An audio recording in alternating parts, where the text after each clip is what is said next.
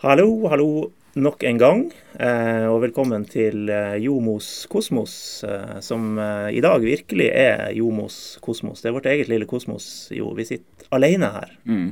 Hvorfor gjør vi det? Nei, vi ja, i, i, mangel av gode gjester, så har vi valgt en intern løsning. Ja.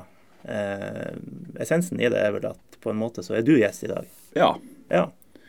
Så vi skal eh, se litt på ting som eh, jeg har eh, gjort og vært med på, og eh, ting jeg har tanker om, kanskje. Ja. ja. Så det er mye. Vi, eh, vi, vi, hadde en gjest nesten på gang, men vi kan vel røpe at han kommer til uka. Så kan vi vente litt med å røpe hvem det blir. Men mm. det er en vi kjenner greit, begge to. Ja. ja. Veldig godt, egentlig. Ja. Mm. Hvor det går? Det går bra. Jeg gleder meg til, til seriestart uh, for vår del på søndag. Uh, vi skal til Sogndal, en arena hvor Tuil har tatt marginalt, om ikke null poeng, opp gjennom historien. Men vi har god trua og, gleder oss veldig til å komme i gang. For dere skulle egentlig vært i gang.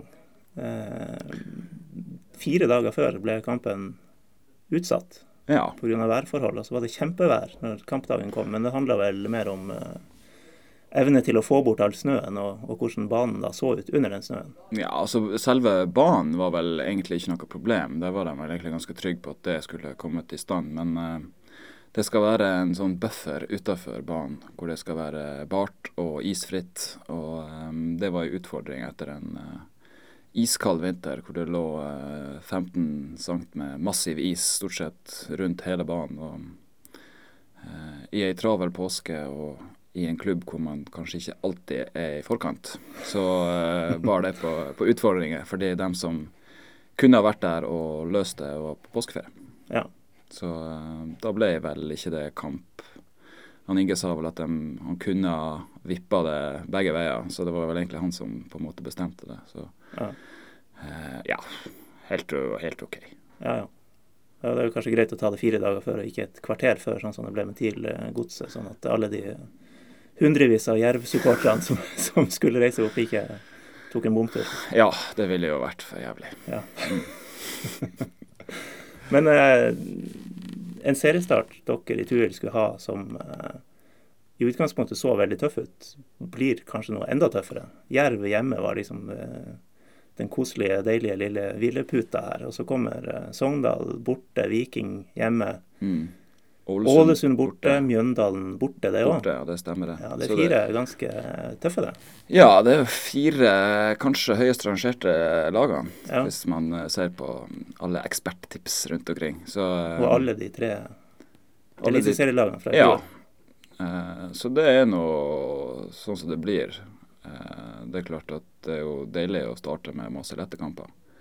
Eh, hvis man vinner. ja, det er det. Eh, for jeg har vært med både på å ha fantastiske starter på sesonger og eh, det motsatte. Kanskje oftest det motsatte. Og da blir det ofte litt sånn jag etter poeng og, og mye stress og, og sånn fra omgivelser rundt ofte. Nå er jo ikke omgivelsene rundt så kravstor eh, i dette tilfellet, så det er vel ikke så mange som forventer så mye av oss i, i de her kampene. Og det jo, kan være litt sånn behagelig, kanskje. Ja, jeg har sett det. vi, uh, vi, skal komme tilbake til, til våre tabelltips, men mm. jeg har sett mange litt lenger sør i landet. Der er ganske stor enighet om at dere kommer til å rykke ned. Ja, jeg er veldig imot. Ja, ja vi gjør neste, jeg gjør òg det. Ja, um, jeg har vel gått ut og sagt det, at jeg er ganske trygg på at det ikke skjer. Ja, ja så vi hadde jo en, en bra sesong i fjor, med mye marginer imot, egentlig. mye poeng som ble mista på slutten av kamper. Uh, og mange kamper som ble uavgjort som kunne og burde vært vunnet. Eh, så har vi forsterka laget i år. Vi har, fått, eh, vi har to keepere som er bedre enn han som sto mest i fjor. Eh, vi har fått inn Løva, som har mye som vi kanskje ikke har hatt fra før. Vi har fått inn han Hai, som øker konkurransen i laget, og som har mye fysikk med seg. Og han Medi fra TIL, som, som fyller på enda mer. Så vi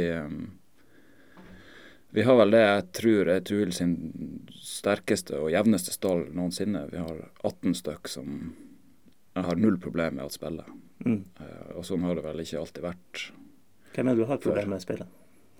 Nei, jeg har ikke meg sjøl, kanskje.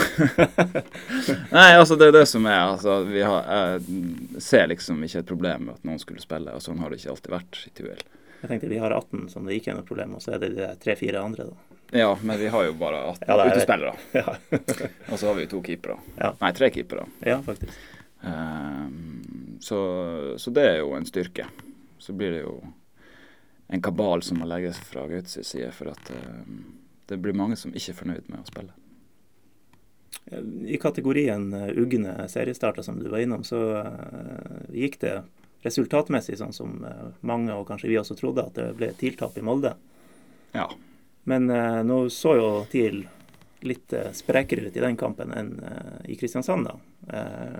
nå kommer det fire av fem kamper i resten av april er hjemmekamper. Mm. får de en del poeng der, så så er det kanskje ikke grunn til Altså Man skal ikke svartmale etter to kamper, det er vel det jeg prøver å si? Nei, absolutt ikke. To bortekamper og bortekamp mot Molde, det er jo null poeng eh, på budsjettet. Ofte. Ja. ja. Um, nå var jo det en uh, særdeles svak affære i Kristiansand, men uh, betraktelig bedre nå, syns jeg. Så um, de så litt mer ut som seg sjøl uh, av det de var i fjor, så um, ja. ja. Og de hjemmekampene som kommer, er jo du har den utsatte mot Godset, men ellers så er det jo Ranheim kommer hit, og Kristiansund kommer hit. og Det er noen muligheter til å, å plukke noen poeng. Absolutt. Så det handler om å bli litt sharpere fremover, egentlig, tror jeg.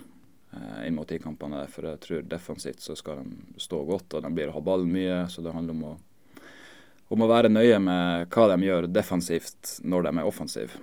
Uh, mm. For å motvirke, forhindre kontringer og, og sånne ting. Så um, Eh, nei, jeg har trua på, på, mye poeng fremover. Hva du si om de nye? De har henta kanskje litt sånn likt på en måte. Selv om det er litt forskjellige spillertyper, så er det midtbaneledd og litt eh, kreativitet og uh, offensiv kraft der i, i benchen. Og, og, Taylor, som jo markerte seg veldig da med, med den skåringa. Ja, det var jo... Eller spillemessig kan vi kanskje si at benchen markerte seg vel så mye. Men, uh, ja.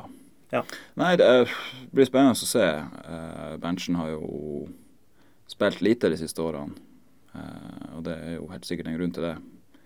Så får vi se om han får ut det uomtvistelige potensialet som han har, eller i hvert fall har hatt.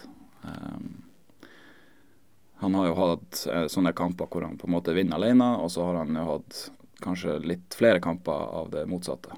Mm. Eh, så det blir jo å få han til å være stabil på et høyt nivå blir jo veldig viktig. Eh, spesielt offensivt, hvor de har mista mye kraft fra i fjor. Så jeg syns at de som kommer inn Jeg kjenner jo ikke han finlenderen noe særlig, men jeg føler at det, de henter inn spillere på den samme hylla som de kanskje allerede hadde, mm. uten nødvendigvis å få det inn liksom de her eh, toppene og spissene som, som kanskje har forlatt. Ja, det store hullet ser jo fortsatt ut til å være Lene Olsen, hvis du spør, ja. spør meg, da. Eh, med Espejord man fortsatt venter litt på, og Bakenga som har sett litt sånn eh, så der ut. Ja, helt, helt, enig. Så får vi se om han kanskje en Vuk kan ta opp hansken. Ja. Han har jo sett bra ut, og ut fra det jeg hører fra, fra de andre guttene på laget, så er han eh, god på hver trening og har egentlig vært det siden i fjor høst. Ja. Um, så er jo fotball rar. Både han og Magnus Andersen skulle jo få noen sjanser. De sikkert har trippa ganske mm. kraftig etter og skulle starte mot Godset, og så ble det ikke noe av det, og så var de ute i neste kamp. Ja, det det er kjipt, det. Det var jo sikkert samme for oss mot Jerv, hvor folk som skulle ha spilt den kampen, som kanskje ikke får spille mot Sogndal. Mm. Så det er jo ja. Men dere skal til Sogndal. Ja. Du har lokka med at du har en uh, røverhistorie.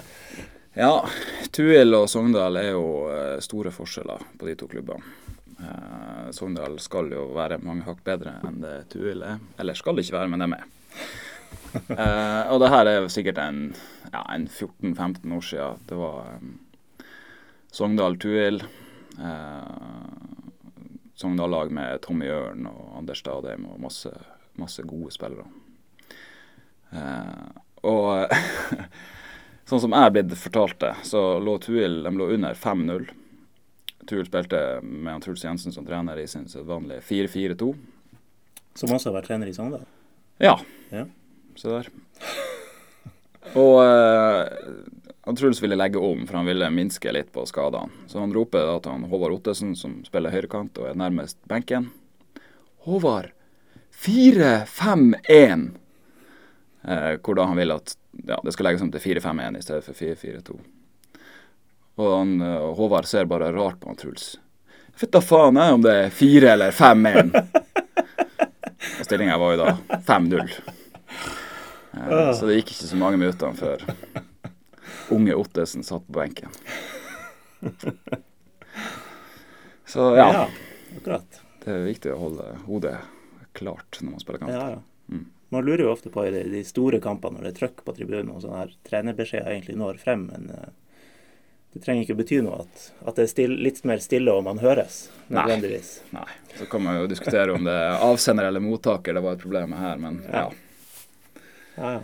Jeg går ut fra han ropte noe mer enn 4-5-1, også at han ikke Håvard Ottesen skulle stå fritt til å stokke om hvem som skulle Nei, det, det var det nok òg. Ja. Men uh, svaret er jo herlig. Vi har jo sønnen til han Håvard Ottesen, uh, trener mye med oss nå, og han er har ikke så god hørsel, han heller, tror jeg. Hei, Håvard. Hei. Spilt mot Håvard mange ganger i, i barndommen. Det var til tider plagsomt. Det kan jeg tenke meg. Ja. Mm. Og så har vi et, et av uh, de bedre turbildene i arkivet vårt, er av Håvard Ottesen. Mm. Du vet, vet du hva jeg tenker på? Ja, jeg vet hva du tenker på. Spesiell skade. Ja. Ja. Han satt fast i reklameskilt Yes. bak målet med Sprang en over, finger. ja, sprang over dørlinja i full fart. Skvisa hånda inn mellom to sånne eh, metallreklameskilt og hyler på bildet, og du ser ei sånn stripe blod som Mm. renner på det ene skiltet. Fantastisk. Oh. HMS-ansvarlig. Ja, jeg tror det gikk bra, da. Ja, det, det tror jeg òg. um, ja, dagsaktuell fotball ellers. eh, Champions League. Ja, Liverpool eh, fikk det til, gitt. de gjorde det. Fryktelig eh, effektivitet, egentlig. Ja. Hvor det så ut egentlig så tidlig som om City fikk det akkurat sånn som de ville ha det. Og, og trykka bra på. Og fikk han unge Alexander Arnold til å se så ung ut som han er. Eh, Han så litt eldre ut etter hvert. det gjorde han absolutt. Ja. Så han eh, heva seg mange hakk, men eh, Nei, jeg syns han eh, Petter Wæland oppsummerte det eh, bra i går eh, etter kampen. At det er jevnere enn det ser ut. Det er liksom ikke 3-0 egentlig forskjell, fordi at det er så mye marginer hele tida. Mm. Hvor det er eh, 25 cm offside på Ansala, egentlig på 1-0. Eh, Det går mye, litt sånn hipp som happ og touch her og der, og så til slutt så ligger han i mål. og da da blir det veldig vanskelig for City, for at Liverpool er så rå på, på å få tak i baller og gjøre det farlig. Så enhver liksom løs ball eller hver halvdårlig pasning, det blir på en måte en kontring og en sjanse imot. Så Mm. mm, Nei, det de er hensynsløse, Liverpool. Ja. Og det viser jo kanskje litt sårbarheten til City. Eh, forsvaret er jo litt sårbart når de tas på den måten der. Ja, det er Men det er klart. ikke så mange andre enn Liverpool som klarer å ta dem på den måten, kanskje. Nei, og alle forsvarsspillere, hvis du må stå på midtbanestreken, så blir det vanskelig uansett hvem det er som står der. Så ehm, Nei, det var skuffende å sitte i går, for jeg syns liksom ikke at Liverpool var så god heller. Jeg syns de gir vekk eh, en del rom som City vanligvis er ekstremt god på å utnytte. Ehm, Så jeg tror nok ikke at han, eh, David Silva og Leroy Sané har en like dårlig kveld eh, som de hadde i går, så ofte. Så mm, ja. Kan hende at de var prega av en elektrisk atmosfære, som jo det helt sikkert var Det vil jeg tro. i går. Ja. De, Det hørtes i hvert fall sånn ut på TV. Ja da, de bruker å hente det frem når det er Champions League. Ja, Så det var, det var heftig. Ja. Er det nå fire kvartfinaler der som egentlig er avgjort? Ja, Det er vel det? det er jo det. Jeg syns jo Eneste jeg kan tenke meg, at det eneste City som har en liten sjanse til å kunne klare det. Hvis de får 1 og 2-0, så blir det litt eh, Da blir det Kok. nok litt kok, ja. Samtidig, altså De har vunnet så mye med så mange mål i år at de er jo de som er kapable. mm. Eh, Barcelona taper aldri mot Roma, og Real Madrid kan stille med B-lag, og de går komfortabelt videre. Ja. Så, Og og Bayern. Bayern München sant det samme. Så, Ja. Nei, det blir litt sånn utvanna Champions League, egentlig. Det er de samme lagene som er med hvert år, og det blir så ja, store forskjeller. så er det liksom de, de samme som våkner til rett tid også. Altså, ja, ja, ja. De fleste trodde jo at PSG skulle slå ut Real, Mm. men uh, Real Madrid og Champions League skal, ikke, skal aldri si at de ikke er favoritter. Nei, de er fryktelig sterke. Ja. Så eh, de har uh, toppa inn formen i år òg. Helt riktig. Så La seg taktisk som gruppetoer bak Tottenham. ja. nei, det er rart det der, men uh, Ja. nei, de skal bli tunge å slå, tror jeg. Kan jo bare hvile seg i ligaen nå, for der har de jo egentlig ingenting å kjempe om. Så Nei. var taktisk å tape masse kamper i begynnelsen av sesongen, sånn at de kan eh, kun konsentrere seg om Champions League. Og tar de den bøtta, så får kanskje Zidane fortsette. Ja. Tror jeg kanskje han får det uansett. Men eh, ja. Man leser jo rapporter og sånt som sier at han, han er ikke en sånn taktisk geni, men en sånn Nei, clap your hands-manager. Ja. Uh, men det funker jo åpenbart i de her store, store kampene. Ja. Ja. ja. Så når eh, spillerne er motivert og påskrudd, så, så fikser de det på en måte sjøl, for at de er så, så gode og har vært med på så mye, så mange av dem. Så ja. For å ta en sømløs overgang, du har vært med på mye, du òg. Jeg har det etter Bra, hvert. bra sånn podkastfaglig. Veldig bra. um, ja, hvor skal vi begynne? Skal vi ta hele løypa? Vi kan Også- ta eh, kjapt i øverste del av løypa. Ja. Um, nei, jeg begynte jo, spilte jo på TIL fra jeg var fem til jeg var 20, egentlig. Eh, spilte jo på et uh, veldig bra eh, sånn gutt, små guttelag. Eh, vi var en god gjeng som var på Løkka i lag nesten hver dag og trente i lag hver dag og vant hver kamp. Vi gikk nesten fem år uten tap. Eh, vi var veldig mange gode spillere, og vi var liksom et litt sånn atypisk sånn barnelag. fordi vi dribla ikke bare, vi spilte liksom Mm. pasninger og spilte vegger og, og sånn. Så der skal min far, Helge Matland, ha en del av æren for at han var, var flink til å stimulere oss på det på trening. Var det på den tida du ble TV-stjerne? Det var litt seinere? Nei, det var litt seinere. Ja. Eh, så begynte vi jo ja, Jeg ble jo tatt opp på juniorlaget når jeg var bare 14. Det er proffdrømmen på TV3? snakker vi Det stemmer. Det var i, i 2002.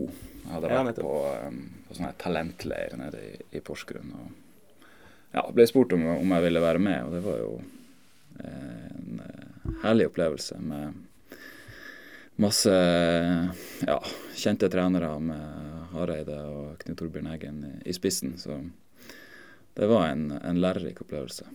Når man fikk liksom kjenne litt på det her og stå foran kamera. Det var ikke så lett når man var 15 år og, og usikker. Så Det det var, det var veldig artig. Så var det et par lån i Tuil før du ble Tuil-spiller. Ja, jeg var på lån der i 2005. Eh, det lå ikke an til mye spilletid på A-laget, som jeg jo var en del av da. Eh, og Tuel hadde jo et, et topplag i andre divisjon, så det passa egentlig fint. og Fikk kjenne på voksenfotball mens jeg fortsatt bare var 17 år, for et lag som liksom har alt å spille for. For å, spille for et andre lag, det blir aldri det samme. Eh, Så det var et, et veldig bra år hvor jeg lærte ekstremt mye, som egentlig gjorde meg litt sånn klar for det som skjedde året etterpå, hvor jeg plutselig var inne på elveren eh, til TIL og, og fikk spille noen seriekamper der. Så uh, ja, jeg følte vel egentlig da, og føler egentlig enda, at jeg gjorde meg langt ifra vekk i de kampene der. Men laget var også dårlig, og da er det lett å sette en 18-åring på, på tribunen kontra en som er 3-4-35. Så- Hvordan år er vi da? 2006. Seks? Ja. Nord Nordmark-året? Nordmark-året, ja. Ja. eh, heiv jo meg og Ruben inn Ja, ja. eh, i første kamp mot Molde der, hvor vi Eller egentlig, vi var ikke i nærheten. Eh, og vi var ikke i nærheten på mange kamper, fordi vi var jo trent litt i senk, egentlig. Eh, så eh, dårlig timing på en måte å, å få sjansen på i et lag som, som ikke fungerte. Eh, og så, ja bar jo den over, overtreninga litt sånn med seg, og jeg fikk litt lyskeproblemer og var, var ute i, i flere måneder. Og var vel egentlig ikke tilbake sånn for fullt egentlig før året etterpå, eh, når han Steinar var trener. Mm. Og eh, ja, var egentlig ganske god i oppkjøringa og var nært laget inn mot seriestart. Eh, og så tok jo han Steinar et valg som de fleste trenere tar, og, og heller bruker dem som er litt eldre og erfaren. Eh, og da ja, Det gikk litt sånn innpå meg. Jeg mista litt motivasjon, egentlig. Fordi at jeg følte at uansett hva jeg gjorde, så hadde det ikke noe å si. Eh, og jeg var jo ung og tenkte ikke på det, liksom, det lange løpet. Jeg hadde lyst til å spille her og nå. Mm. Eh, og mista litt sånn fokus og ja Syntes egentlig at alt var urettferdig. Selv om det kanskje ikke var det. Så um, Nei, så da ble det utlånt til Tuil den høsten der. Uh, det ble ikke all verden, det heller. Jeg tenkte litt sånn i mitt eget hode at ja, det var jo et steg ned, så det her burde gå ganske greit. Uh, og det var det jo overhodet ikke. Ja, egentlig. Uten at jeg liksom Jeg ga aldri noe uttrykk for det, men jeg tenkte det liksom i mitt eget hode at her er det bare å spasere inn og være god. Mm. Um, og så ble det nå ikke sånn, og det var jo en turbulent høst for, for laget, og, som endte med et nedrykk.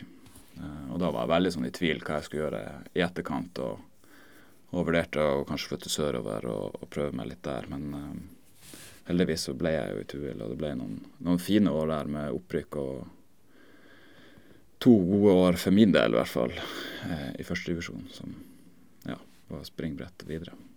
Og det ble det jo til eh, både Sarpsborg og Ålesund ja. og, og, videre. Er det noe om de ja. tida i de eliteserieklubbene du Nei, altså, lette hjertet med? Den overgangen til, til Sarpsborg var jo egentlig mye av æra skal gå til Morten Jæver. Ja. Hei, Morten. eh, for han var veldig sånn på Sarpsborg at de burde hente meg, og de trengte en venstreback, og jeg passa jo fint inn i den stilen de hadde med veldig sånn spillende fotball. og og litt sånn annerledes hverdag enn det de andre eliteserielagene hadde. God lobbyering? Ja, veldig, veldig god agentvirksomhet. Ja, ja. Så, um, nei, så det var, det var veldig et fint halvår, for det ble jo bare med sju måneder. Ja. Eh, hvor vi jo gjorde det fantastisk i starten, og for min del gikk det jo over all forventning med skåringer og assist på, på løpende bånd der. Ja. Eh, så da ringte Ålesund og ville kjøpe meg.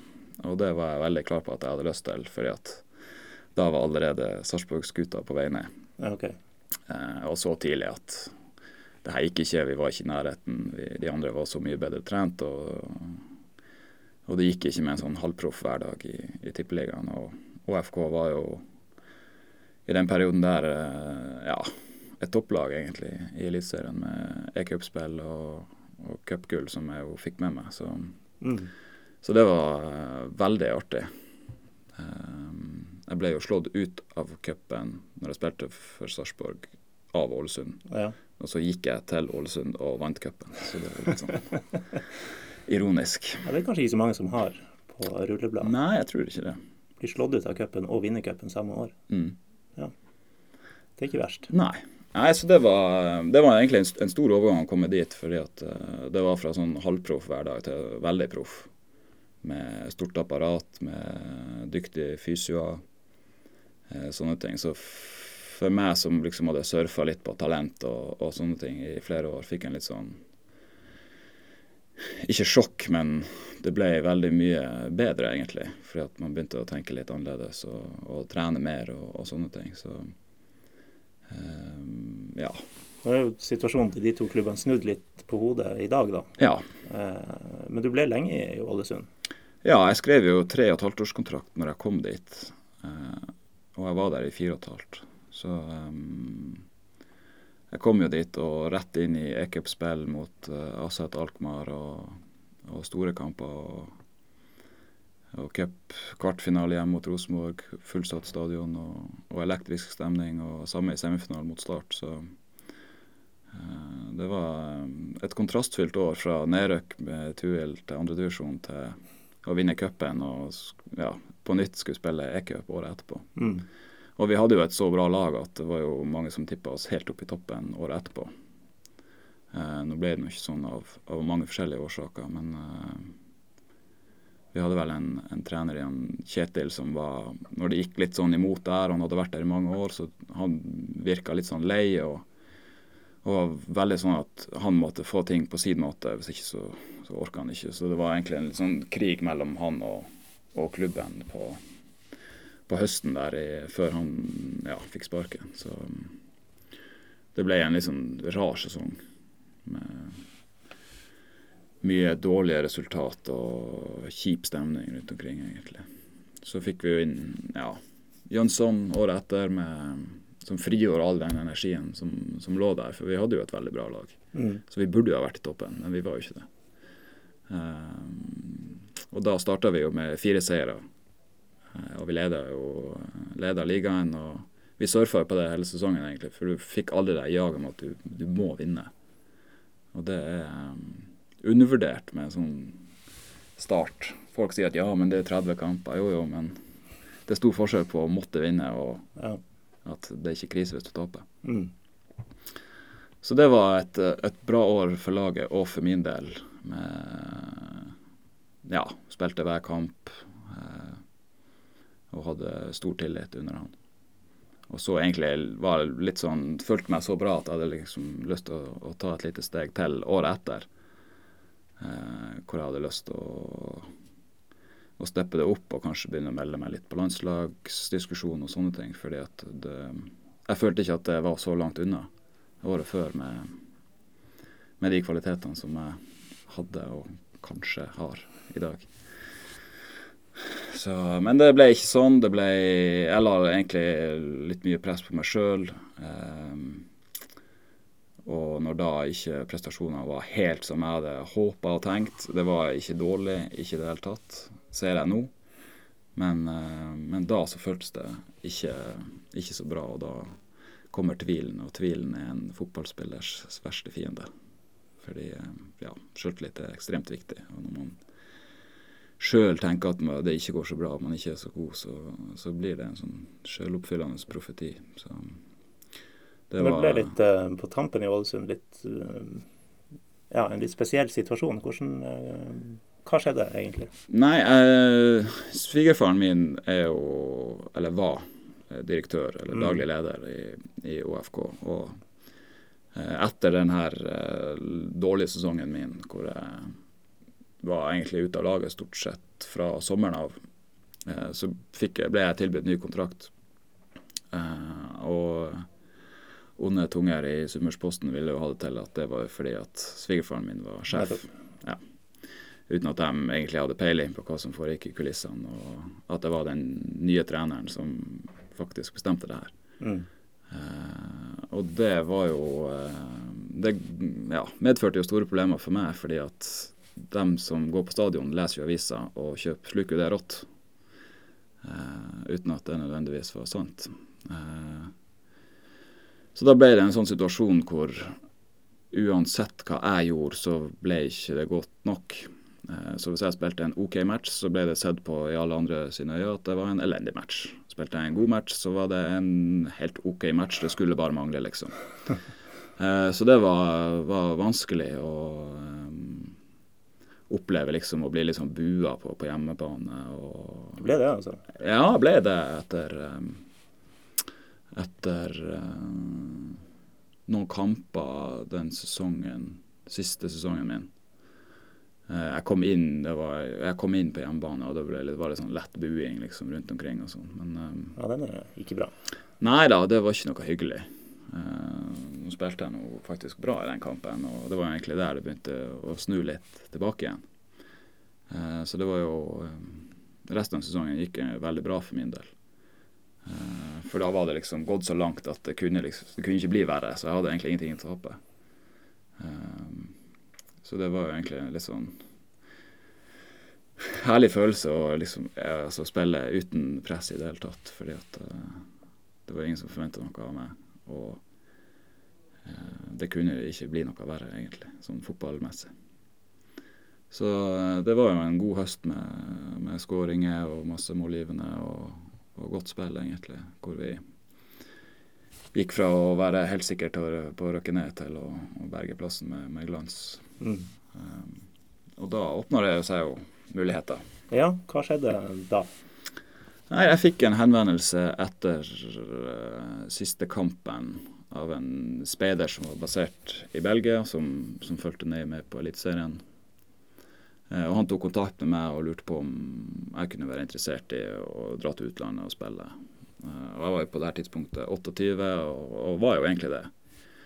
Og selv om jeg jo fikk tilbud om ny kontrakt av Ålesund, så jeg følte på en måte at jeg ikke skyldte dem noe som helst etter det som hadde skjedd og, og det, den behandlinga jeg hadde fått der. Um, det var jo ikke deres feil, på en måte, men jeg følte likevel at jeg ikke hadde fått den støtta som jeg burde ha fått. Um, og var ja, 28, og jeg tenkte at sjansen ble mest sannsynlig ikke å by seg igjen. Uh, og det er jo enhver liten guds drøm om å få være proff i utlandet. Uh, så det, ja, det viste seg at det var um, Antwerp, Royal Antwerp som var på nivå to. Uh, litt sånn sovende kjempe med mm. massiv interesse rundt laget og veldig sånn stolt historie med seriegull og, og cupgull og finale i e-cup og, og, greier. Så um, jeg var, ble invitert ned og var, så en kamp og ble egentlig litt sånn Tenkte at ja, det her har jeg lyst til. Um, og det, ja, altså det økonomiske var selvfølgelig bedre enn det var i Ålesund, men det var ikke noe sånn millionbeløp vi snakker om. Uh, så jeg gjorde det for å oppleve en annen kultur, oppleve andre folk. Eh, andre måter å trene på, andre måter å, å spille fotball. Eh, og ja, bli kjent med folk og, og, utvikle meg, om ikke all verden sportslig, så i hvert fall sånn utenomsportslig. Med det å, å flytte alene til et nytt land. Uh, nå snakker jeg med engelsk der, stort sett. Uh, men uh, det gikk mye i, i fransk på trening der nede.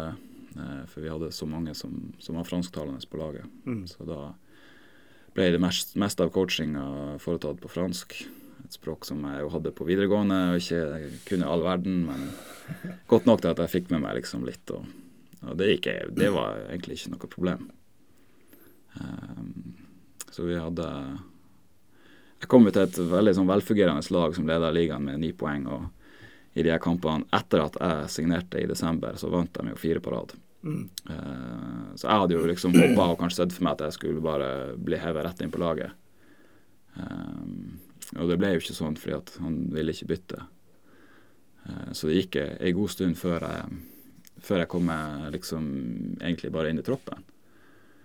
Og det var litt sånn Dro jeg fra alt det trygge i, i Norge og Ålesund til, til det her. Um, men jeg var egentlig litt forberedt på det. Og det var ikke så lett, fordi at jeg, hadde jo gått nesten to måneder uten noe særlig trening med lag til å rette inn i, i konkurransesesong. Så det var, var, utfordrende i starten med ekstreme mengder med trening og noe helt annet enn, enn det jeg var vant til her. Så hadde vi en trener som Ja, hvis jeg er snill med ham, så, så sier jeg at alt han har lært seg om fotball, det har han lest i ei bok. Eh, for vi, eh, vi, spilte ikke god fotball, eh, og alt var egentlig bare basert på at enkeltspillere skulle, skulle, finne på noe. Og så hadde vi så mye større ressurser og, og bedre spillere enn alle de andre at det stort sett gikk bra. Samtidig så vet man jo at når sånne ting Når det ikke går på skinner, så går ikke det i det hele tatt. Mm.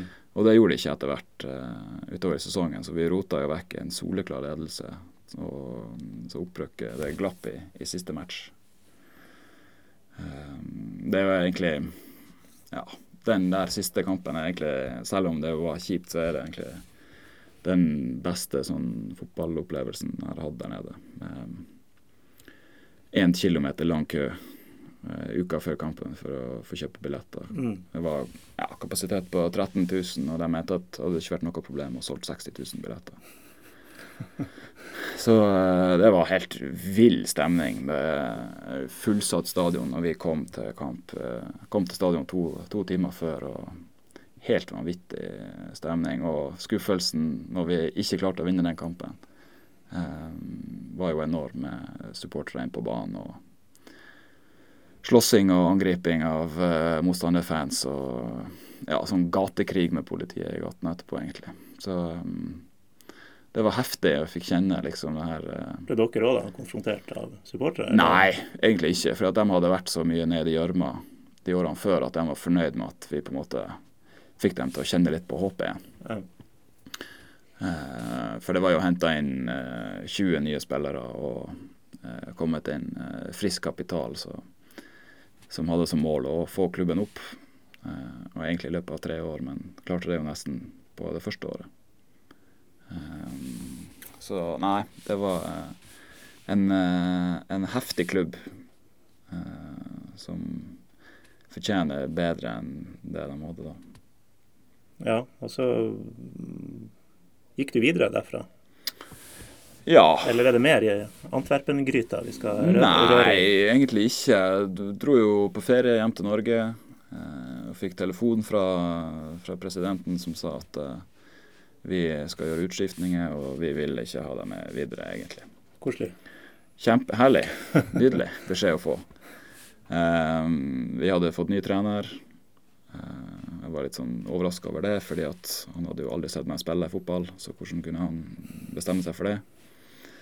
Eh, men jeg reiste nå ned, for de sa at jeg, egentlig så det, Ja, vi får finne en løsning på det her. Men jeg reiste nå ned, for jeg hørte egentlig ikke så mye mer. Eh, og trente med laget i oppkjøringa eh, og gjorde det godt. Var i god form og, og spilte bra i de kampene som vi, som vi hadde. Og jeg snakka med treneren, og han var veldig klar på at han ville ha meg med videre. Uh, hvor jeg på nytt har et møte med samme presidenten som sier at uh, nei, vi, vi, skal ikke ha det med videre. Så det var åpenbart at dette var en avgjørelse som ble tatt over hodet på treneren, og det var egentlig litt av problemet der nede i den klubben, at det var ikke alltid treneren som tok ut laget, eller som, mm. som tok de sportslige avgjørelsene. Uh, så da, ja gikk jeg egentlig litt sånn og venta. Eh, og Silje, kjæresten min, hadde kommet inn på skole der nede og hadde forberedt seg på det. og så da var jeg egentlig ute etter en løsning hvor jeg kunne bli i Belgia da, og bo, på, bo i samme område. Og, mm. og, fortsette den hverdagen der. Da. Eh, så da ble jeg lånt ut til en klubb som heter Sporting Hasselt, som er på sånn ja, nivå to kan man si. For det er liksom nivå 1A og nivå 1B, og så nivå 2. Ja. Eh, et nivå som tilsvarer topp Obos-ligaen, kanskje. Ja. Eh, så det var helt OK. Og en mye, mye mindre klubb enn det Antwerp var. Um, Sporting Hasselt er nok ikke like kjent for folk flest som nei, Antwerpen. Nei, du skal være en konnoissør på belgisk fotball for å ha kjennskap til det. Så det er en sånn, en sånn klubb som var i toppdivisjonen på sånn 70-80-tallet og har ligget litt sånn død og begravd. Men som der òg det var kommet inn frisk kapital. Eh, for det er en, en, ganske stor by. Eller en by på størrelse med Tromsø. Ja. Hvor det her var det beste laget, og det var en, en, en rik eh, construction builder som hadde spytta inn masse penger. Så dem, der ble det ordna ei ordning med at jeg fikk beholde samme lønna og, og, sånne ting. Så mm, jeg var egentlig, det var helt greit for min del. For jeg var ikke der bare for det sportslige, men for ja, alt annet rundt i tillegg. Um, så der var det var mye sånn Snegler og Ja. Snegler og molfritt. Molfritt. Ja. ikke noe godt. Norsk chips er mye bedre enn belgisk chips. Ja, men jeg, faktisk jeg blir en sånn majonesmann. Å oh, ja. Nei. Ja. Ikke i det hele tatt. Heller det enn ketsjup? Chili-majones, ja. Ja, ja, gjerne det. Men sånn vanlig majones det er jeg ikke noe glad i. All right. Ja. Vi får være enige om å være uenige. Ja. Så eh, nei, der var det mye spillere som hadde spilt på høyere nivå. Eh, som var på en sånn siste paycheck. Eh, Stemninga i laget og i klubben bar jo naturlig nok preg av det. Fordi at de fleste kom på trening fordi de måtte for å få lønn. Eh, så sånn sportslig sett så, så, var ikke det all verden der, men uh, vi hadde jo en, eh, en, en, gal trener, kan man si. Det føler jeg må utdypes. Ja, han var uh, tidligere keeper. Uh, gal i utgangspunktet, med andre ord. Ja, så double whammy. uh, spilte på Klubb Brygge opp mot 40 landskamper for Belgia. Uh, som var helt, helt, helt gal. Hva er det? Han skulle vinne for enhver pris. Stein Steinen. Stein Steinen? Ja. Okay. Han ble sparka fra Klubb Brygge etter at han ble avslørt å ha vært på forumet til Klubb Brygge under falskt navn og spredd drit om medspillere, trenere. eh, styre Ja, alt som gikk, egentlig. Eh, så han tankene flyr til en uh, viss dommersak i Norge, men vi trenger ikke å Nei. gå, ned den gata. Nei. Hei, Elden. Vi um, Nei da, så han var veldig sånn at uh, hva vi gjorde på trening og sånn, var ikke så nøye. Vi trente sånn prr, Bare det som måtte til, egentlig. Så uh, Første seriekamp så får jeg strekk i hamstringen. Uh, og det satte meg ut av spill egentlig i tre måneder. Så første halvdel av sesongen røk egentlig. Kjempestart. Helt nydelig. Ja. Så det var veldig sånn kjedelig. Jeg hadde dratt dit og var i, i god form etter ei hard og lang oppkjøring med Antwerpen. Um, så det var Nei, kjipt. Og med dårlig, dårlig rehab og, og dårlige ressurser på fysioterapi og sånne ting. Så det tok mye lengre tid enn det det burde ha gjort. Og jeg var jo ikke i noen god form da jeg kom tilbake heller. Så det tok meg ja, fire-fem gode måneder egentlig å komme tilbake i toppshape.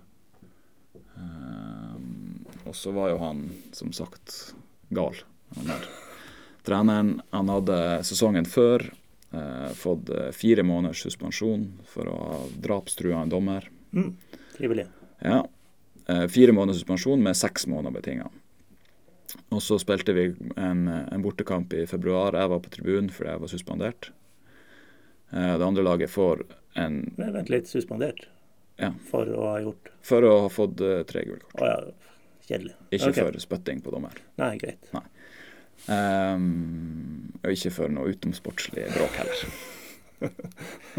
um, og vi får en, en billig straffe imot, uh, og han klikker fullstendig. Fordi det her var han samme dommeren som han hadde klikka på året før. Han han hadde drapstrua? Ja. Ja, OK. Uh, så han mente jo at det her var personlig, um, og uh, det her var jo på overtid. Og vi hadde, det var 1-1, og vi trengte poeng, for vi lå i bunnen.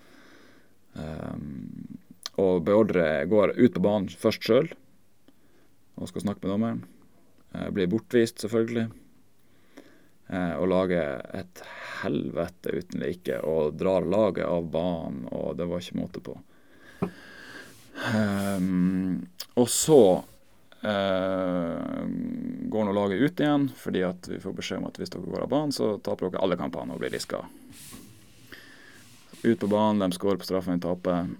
Uh, og han får jo da selvfølgelig en ny suspensjon på to måneder, pluss de seks månedene han hadde betinga fra året før. Ja. Så da hadde vi jo en trener som ikke kunne være på benken i åtte måneder. Eh, presidenten syntes naturlig nok at det her ikke var noe særlig stas. Eh, så vi spilte en kamp til hvor han var satt på tribunen eh, og hadde årsbeste og vant 2-0. Og treneren fikk sparken. Ja. Og det hører jo med til historien at han treneren han, Det her var hjemklubben hans, liksom. Så han hadde kjøpt opp den et par år i forveien. Han var eier. Men røkka, da de hadde røkka opp året før, så da var det sånne regler at du kunne ikke både være trener og eier. Det høres fornuftig ut, syns jeg. Ja, Så da var det overskrevet av han andre, med, han som sto med pengene, egentlig. Eh, så han mente jo at han kunne ikke sparke han når han sjøl var president, men han var jo ikke det lenger. Nei. Så det ble nå et sabla styr der. Eh, vi fikk inn en ny trener som var egentlig flink, men som ikke klarte å håndtere den spillergruppa som var der. Vi gikk åtte kamper. Jeg tror vi tok ett poeng på åtte kamper. Um, og havna på det vi trodde var trygg plass. OK.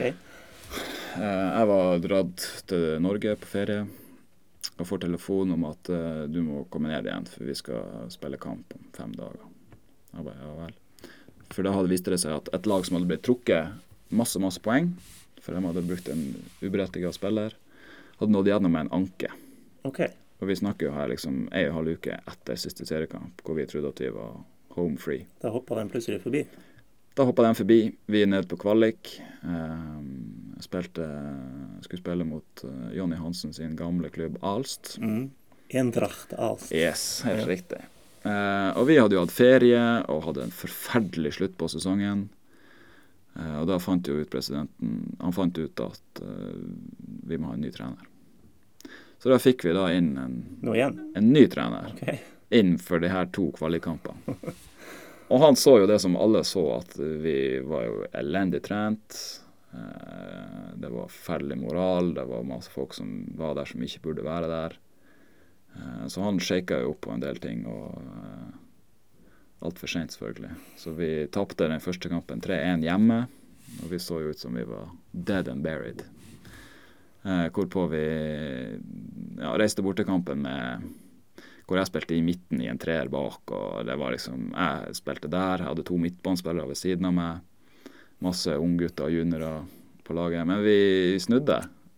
En 3-1 ekstraomganger, og vi røyk jo der, da, for vi var jo så dårlig trent. Så vi takla jo ikke det. så det ble nedrykk, altså? Så det ble nedrykk. Ja. Uh, så nei, det var et, et merkelig år med, med, mye rart, både på trening og, og ellers tre trenere og en trener som var president i klubben. Det var jo en bra suppe. Ja, det er godt oppsummert. Så jeg var der i, var i Belgia i ett og et halvt år og hadde fem trenere. Og to sesonger som slutta late, egentlig. Ja. ja. Det kan du godt si. Så det blir ikke den her helt eh, glamorøse turen til utlandet med alt man drømmer om å håpe på? Nei, overhodet ikke. Så um, Men jeg jeg angrer ikke på noe som helst. Jeg hadde det veldig bra sånn ellers.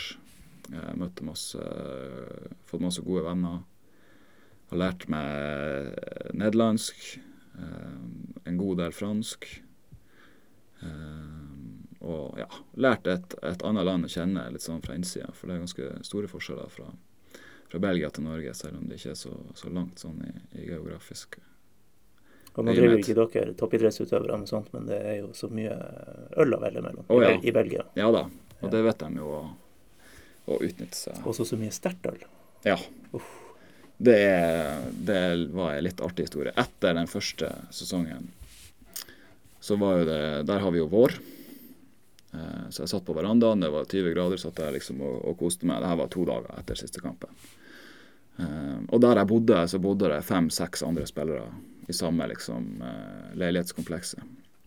Ringer på døra, får bare beskjed om å hive meg i dusjen, og nei, nå skal vi til byen. Klokka er sånn halv tolv på formiddagen.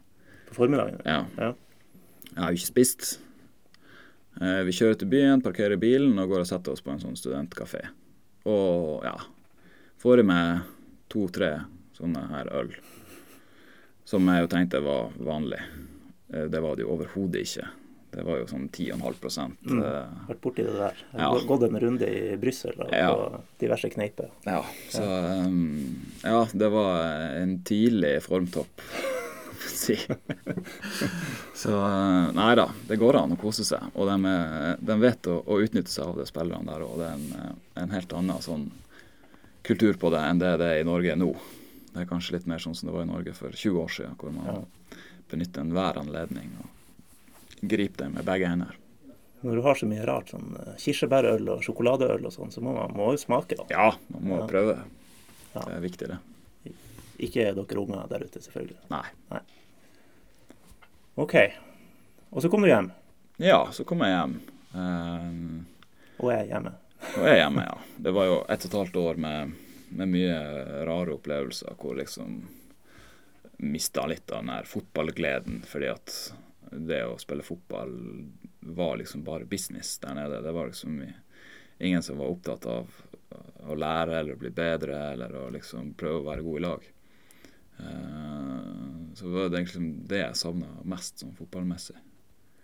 Uh, fra her i Norge hvor vi er veldig sånn tenker på laget og tenker på kompisen ved siden av det, så um, handla det der om seg sjøl og seg sjøl. Mm. Eh, så du fikk liksom ikke noe hjelp fra dem rundt deg på banen. Du måtte alltid klare deg sjøl. Og det handla liksom mest om å, om å, ikke se dårlig ut for sin egen del. Um, så det savner jeg og kjente veldig på i fjor sommer, at det var det som sto i høysetet mitt. Ikke nødvendigvis det å skulle tyne to år med eliteserie ut av mm. det. Uh, så jeg hadde jo god kontakt med Gaute hele tida og hadde ja, alltid, egentlig.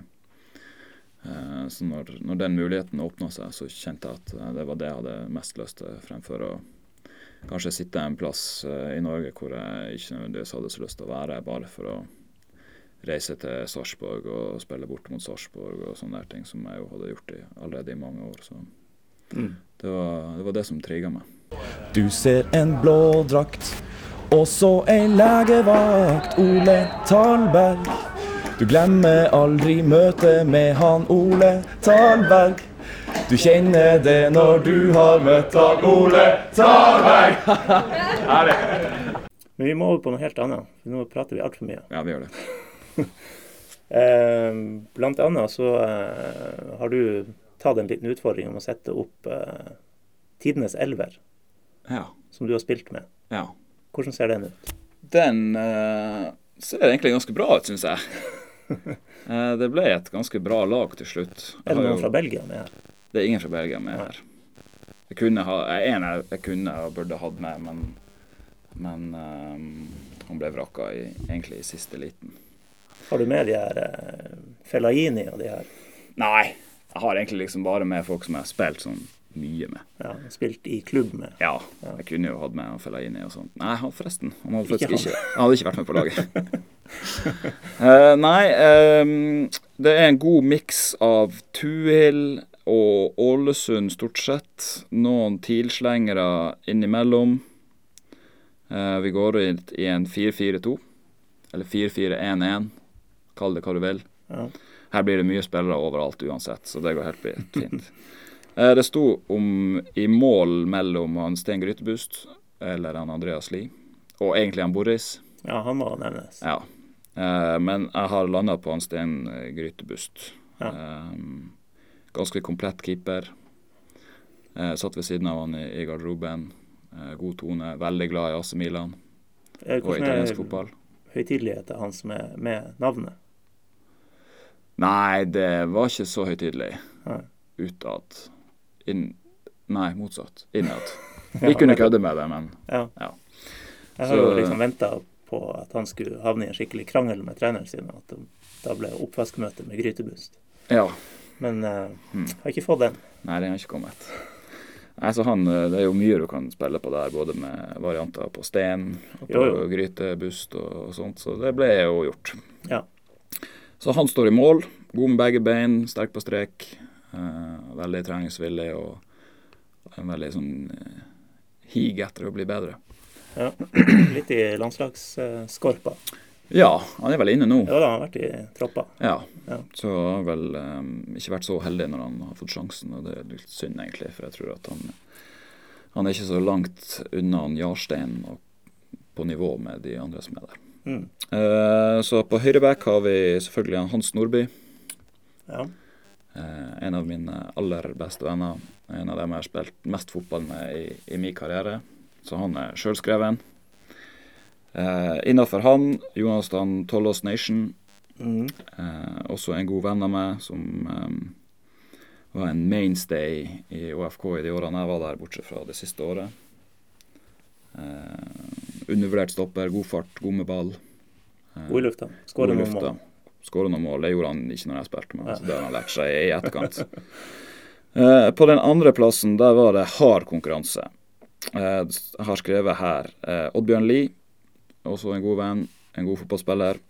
Erlend Stenberg, det samme. Eh, Lars Nymo Trulsen, Ja. familiebånd. Eh, Spillende stopper. Spillende stopper, god i lufta. Eh, litt sånn som jeg mangler litt sånn temperament på banen, kanskje. Mangler. Ja. Eh, men jeg har landa på han eh, Daniel Arnefjord. Mm. Ålesund igjen. Ålesund igjen, ja. Eh, undervurdert på alt. Han var raskere enn folk trodde, han var bedre med ballen enn det folk trodde. Og så hadde han det her gamle midtstopper, killer-instinkt. Ballen skal vekk, og ballen på andre sida skal han i mål. Eh, så han spiller der. Og så har jeg satt opp meg sjøl på venstreback, i sterk konkurranse med han eh, Ole Talberg. Ja. Um, honorable mention til han. Så har jeg på høyrekant han Eirik Yndestad. Som jeg i går så i Planetpatruljen på barne-TV. Oi. Ja. Han hadde sikra seg en birolle der. Det kan hende en gammel episode, jeg vet ikke. Den dukka opp i vår Apple TV-runde med Planetpatruljen. Ja, se der. Ja. Um, ja. God barne-TV, god på banen. uh, også en ekstremt undervurdert uh, spiller som burde ha spilt på høyere nivå enn han gjorde. Erik Hundestad. Ja. Ja, ja, ja. Fantastisk høyrefot, uh, nydelig teknikk. Ja. Eh, gode relasjonelle ferdigheter, som det heter. Eh, så har jeg innafor han på midten, så har jeg han eh, Morten Gjæver. Hei, Morten, igjen. Hei, Morten igjen. Bra driv, gode skyter, skårer masse mål. Elendig å heade. Det har vi Det har vi dekka i vår podkast. Ja. Ved siden av han så har jeg han Fredrik Ulvestad. Ja. Eh, hvis jeg skal nevne den beste jeg har spilt med sånn helhetlig, komplett spiller, så er det faktisk han. Ja. Eh, aldri fått den kreden han fortjener, litt fordi at han er ikke så glad i å ta så mye plass. Eh, men en fantastisk fotballspiller med teknikk, styrke, kreativitet, eh, løpskapasitet, alt egentlig. Ja. Som nå er i Djurgården og har fått mye skryt der for en, en god sesongstart, så det blir spennende å følge med. Og var i England. Var i Burnley Mm. i tre år nesten. Ja. Jeg fikk jo lite sjansen. Der er jo en trener som ikke rullerer så mye på laget. Nei, der er det ganske satt. og Ja, rigide form, form, forhold. Så um, han Kan vel ikke klage på det, sånn som Burnley gjør det. da. Nei, han kan jo ikke det. Nei. Men han har sikkert lært mye der, og helt sikkert blitt en, en bedre spiller av det. Mm. Eh, så har jeg på venstrekant, litt sånn flytende venstrekant, han eh, Ruben Yttergård Jensen. Der han eh, ikke vil spille. Nei. Ikke men- bør spille. Nei da, men han kan trekke inn, så kan jeg spille kant. Ja. Det går fint. Uh, nei, jeg spilte jo med eh, Ruben i mange år på juniorlaget og på A-laget. Uh, vi hadde alltid For dere som var i lag nede i Belgia og var vi, trente med Fellaini og co. Det var vi også. Ja. Og Ruben spilte skjorta av dem Ja, der nede. Og var, var veldig god. Eh, så han er sjølskreven på laget. Og så i en litt sånn tierrolle, Michael Barantes. Ja. Eh, en fantastisk fotballspiller. På venstrefot. Fan, ja. Nydelig venstrefot. Sånn der eh, kunne stå og prikke med rista Mm. i hjørnet når som helst. Eh, en sånn spiller som jeg hadde en veldig god connection med på banen og utenfor banen. Eh, jeg var besøkte han i Costa Rica for noen år siden. Anbefales. Ja. Nydelig land. Eh, så han er i tierrollen. God til å frigjøre seg. Fantastisk til å spille fri andre. Når han var i godt humør, så var han eh, unplayable. Mm. Når han ikke var i godt humør, så var han eh, ikke så god. eh, så har jeg på topp har jeg valgt han eh, Mo Selvfølgelig. i god konkurranse med han Abderrazak Hamdallah Ja. og han Leke James. ja. Um, Tre ganske forskjellige spisstyper. Ja. Ja. Um, men eh, ja, valget det ender på en uh, Mo. Ja. Be hvis jeg skal skrive liksom beste medspiller på sånn her faktaspalte, så skriver jeg Mo. Ja. Uh, jeg vet alltid hva han vil, han vet hva jeg vil. Uh, og eh, vi finner hverandre liksom uansett. Så uh, en viktig grunn til at jeg kom tilbake til duell, var for å faktisk spille litt med Mo igjen. Ja. For det er så artig. Du har spilt med noen greie spisser i TIL, da? Ja, men ikke spilt med. Jeg har liksom Ja. trent med. Ja. Jeg har liksom spilt noen kamper med Ole Martin på topp og sånn. Ja. Um, så det er jo veldig mange jeg liksom kunne ha hatt med fra, fra TIL, som jeg spilte jo liksom Bummen og Steinar og MP og sånn. Kandidater, det òg, men, eh, sånn sportslig sett. Ja, men det er jo utenomsportslige faktorer også her inne i bildet. Eh, ikke til forkleinelse for noen av dem, jeg har god, god kontakt med, med alle dem, men um, nei, jeg har landa på den, på den elveren her. Tror vi skulle ha vært gode på og utafor banen. Veldig gode utenfor banen, vil jeg tro. Ja, i hvert fall mange. Her er noen som kanskje ikke hadde bidratt så mye, hvis man skal tenke på sånn partygreier. Men, eh, Ida, ikke men eh, livet handler jo ikke bare om det. Nei, det gjør ikke det. Nei. Hei, Ruben. Hei. Um, vi har lova noen tabelltips. Ja, Jeg kan ta ett spørsmål først, okay. som vi fikk inn. Dette ble kasta sammen på litt sånn kort varsel, men vi har fått et spørsmål Ja. Fra, eh, fra Anonym på Twitter, Oh, ja, som heter Stian Andersen. Hei. hei, Stian. Eh, og det her liker du, for du, du liker å fortelle litt om, om eh, da du var yngre og spilte frem på banen og skåra masse mål, vet Ja. jeg. Eh, her står det kan jo fortelle om den gangen han kom hjem fra landslagssamling og skåra tre mål fra til sammen 135 meter, har han skrevet, Ja. i finalen av det han da kaller Tuil-cupen. Og så har han fått fortjent eh, tyn på Twitter for at det heter jo Tuil-kunsten. Ja, det gjør det. Eh, ja, det er jo Det er ikke helt sant. OK, Eh, det med 135 meter, det er sant. det er sant. Men jeg kom Jeg hadde spilt eh, juniorcup for juniorlaget til TIL. Ja. Eh, Attpåtil 120 minutter med straffekonk tidligere på dagen. Eh, og det her var på den tida vi var guttespillere. Eh, så jeg hadde jo ikke spilt før turneringa, men ble jo da riktig eller ikke.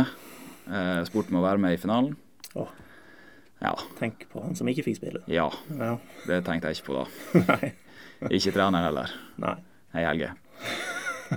Eh, ja. Ja, OK. Ja. Hallo. Hei. Um, nei da, så vi møtte jo Tuil i finalen. Det var jo seint på søndag. Jeg var helt utslitt etter å ha spilt uh, denne juniorfinalen mot, mot Rosenborg. Kvartfinale. Uh, men uh, snørte nå på meg skoene, og vi var jo bedre enn Tuil. Uh, hvor jeg skårte første målet på et langskudd. Hardt i krysset, fra sånn 25 meter ish. Så, Så ja. to neste fra 50 og 60 meter. da. Nei, det var, så, det var ikke så ille. Det var ett på et frispark fra sånn utfor 16, og så var det ett egentlig hvor jeg kom alene med keeper. Ja, okay. Men jeg spilte jo spiss, Ja, se der. så eh, nei da, det ble 3-0. 4-0, tror jeg kanskje. Ja. Så det var, mm, det var artig. Artig å spille spiss. Laget, for lagets del så endte det godt, selv om han, han ene som hadde spilt hele turneringa, skulle spilt finalen. Han Mm. Felte en tåre på Han, benken. han ble skada i semifinalen. Stilig. Huff, huff. Ja. Neida. Eh, skal vi ta noen tabelltips? Vi prøver oss. Ja. Jeg ser du har satt opp ditt, og du har eh, Jeg må nesten stå ved det som jeg og Nordlys har satt opp, føler, Ok. føler Føle. OK, det har jeg som, ikke sett. Nei, som vi da satte opp før sesongen Ja. starta. Ja, Jeg ser antydning, til at du har juksa litt ut fra kampene som har ja, spilt. ja spilt. jeg har jo tatt meg den friheten. Ja, nettopp. Du har Molde på topp, blant annet. Jeg har Molde på topp eh, fordi at Rosenborg ser så dårlig ut. Ja. Du har dem som nummer to, da. Ja. Eh, jeg tror hvis Molde vin- vinner nå til helga mot Rosenborg, så Ja, da tror jeg det nesten er bankers at Molde vinner. Såpass. Ja. Da har de ni-ti poeng foran. Ja. Eh, Rosenborg ser ikke bra ut. Dårlig flyt i angrepsspill og pasningsspill. Eh, har sånn der eh, som alltid er et dårlig tegn med ei rekke på topp, hvor alle står på linje, og så en sånn hestesko bak. Mm. Det er et dårlig tegn. Eh, sånn ser Rosenborg ut nå. Jeg syns de så ofte sånn ut i fjor. Eh, da det, var Bentner i god form. Eh, og viste at han har et helt annet nivå enn alle andre i Eliteserien. Uh, ja, nå får vi jo en test på Bentner i motgang. Få se, se hvordan det går. Ja. Nei, så jeg tror kanskje at Molde tar det. Mm. Um, så har jeg Brann på tredjeplass. Um, veldig solid bakover. Kanskje tar de noen steg fremover. Får håpe det. Det er kult med Brann i toppen. Ja, bare ta litt nedover på tipset ditt. Vi er ganske Mm. enige om en del. Etter Brann har du eh, Vålerenga, Sarpsborg, Godset, som vi har egentlig satt litt høyere, men Ja. eh, seriestarten spiller kanskje litt inn der. Ja, det, de der tre er litt sånn hipp som haps, føler jeg. Ja. Det kommer til å bli jevnt, og det kan bli hvem som helst på en av de tre plassene, tror jeg. Så har du start på sjuende. Var det før de tapte for Sandefjord du satte opp det? Nei, etter. Etter? Men det tror jeg er litt sånn blaff. Ja, de har jo Starta og henta masse gode, kule spillere, så får vi se om, om de klarer å sy det sammen til, til noe. Men nei, det er jo litt artig det som skjer på Sørlandet. Ja, det er artig, men er det, er det sunn klubbdrift? Eh, jeg vil tro at eh, Altså, jeg syns egentlig alt annet som skjer der, virker liksom nøye planlagt og nøye gjennomtenkt, så jeg tror det. Ja. Historia vil jo vise eh, om det er det. Men de har vel ja, kjøpt en del spillere med tanke på at de skal selge videre, Mm. og det er jo alltid lurt. Henta han eh, Sandberg fra Gullkisa på tampen Mm. det, den er jeg spent på. Kasper Skånes. Kasper Skånes også, ja. som er vel var aktuell for TIL. Ja. Som jeg sendte melding til han Ja. Morten og sa at prøv dere på han, han blir å passe bra inn. Han sa jeg er helt enig, vi har prøvd, det går ikke. ja. Nei, det var, det var vel allerede bud eh, fra andre klubber, da Start og Sarpsborg, som, eh, Ja. som ikke TIL kunne matche. ja. Um, nei da, så jeg tror at, eh, at Start kan bli OK i året. Mm. De har eh, en del kule ferdigheter og kule spillere, så de burde ha kjøpt seg en ny keeper. Ja, kanskje det. Ja. Han er jo bra. I hvert fall for noen sesonger siden var han jo veldig bra da Start plagdes så mye eh, og rykka ned til slutt. Men eh, Ja, men klart hvis du Det er jo, er jo alltid, er alltid lettere for en keeper å være god hvis Ja. du får 20 skudd på deg ja, og redder 17. ser gjerne bedre ut da. Ja. Så nei. Så kommer det et lag som heter TIL på åttende. Ja, Eh, Der er vi vel helt enige. er vi, ja. Ja. Kult. Kanskje Nei, jeg tror at TIL blir å komme seg. Eh, De kommer til å bli mer solid. Eh, Det kommer til å sette seg bedre med stil med de nye spillerne inn, som jo flere av dem er kommet inn ganske seint. Så har de en god trener. Ja, det er jo det største plusset. Ja. Eh, God trener. Som blir å få det til å funke på et eller annet vis. Ja. Så har vi en grøt her nede der vi har en del av de samme lagene i samme region, i hvert fall. Eh, Haugesund når du på niende, dem har jeg, vi, jeg og vi litt lavere. Eh, vant jo i Bodø, da. Ja. Var- Og i Tapte for Molde hjemme. vant første borte mot Ja, det stemmer vel bra. en sterk seier. Ja, den, eh, den får folk google. Ja. ja. Og så eh, Et lag som egentlig ikke gir meg noe som helst. Flere av de lagene jeg har på rad der, Haugesund, Stabæk, Kristiansund og Lillestrøm. ja. Ja. Ja. Så kommer Glimt på 13. ja. Den kan like gjerne bli nummer ni, tror jeg. Ja. Det har vært eh, variabel start, da. Ja, men de var jo gode i den første kampen. Jeg syns de var tidvis ganske gode mot Brann. Mm. Uh, har jo en, en godt innarbeida stil med, med spillere som kjenner hverandre godt, og som, som vet hvor de skal være. og sånt, og Det, det holder i Eliteserien. Mm.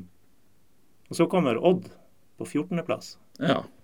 Der hadde jeg og vi dem på syvende, men det var jo da før de uh, fått en uh, litt lei start. ja.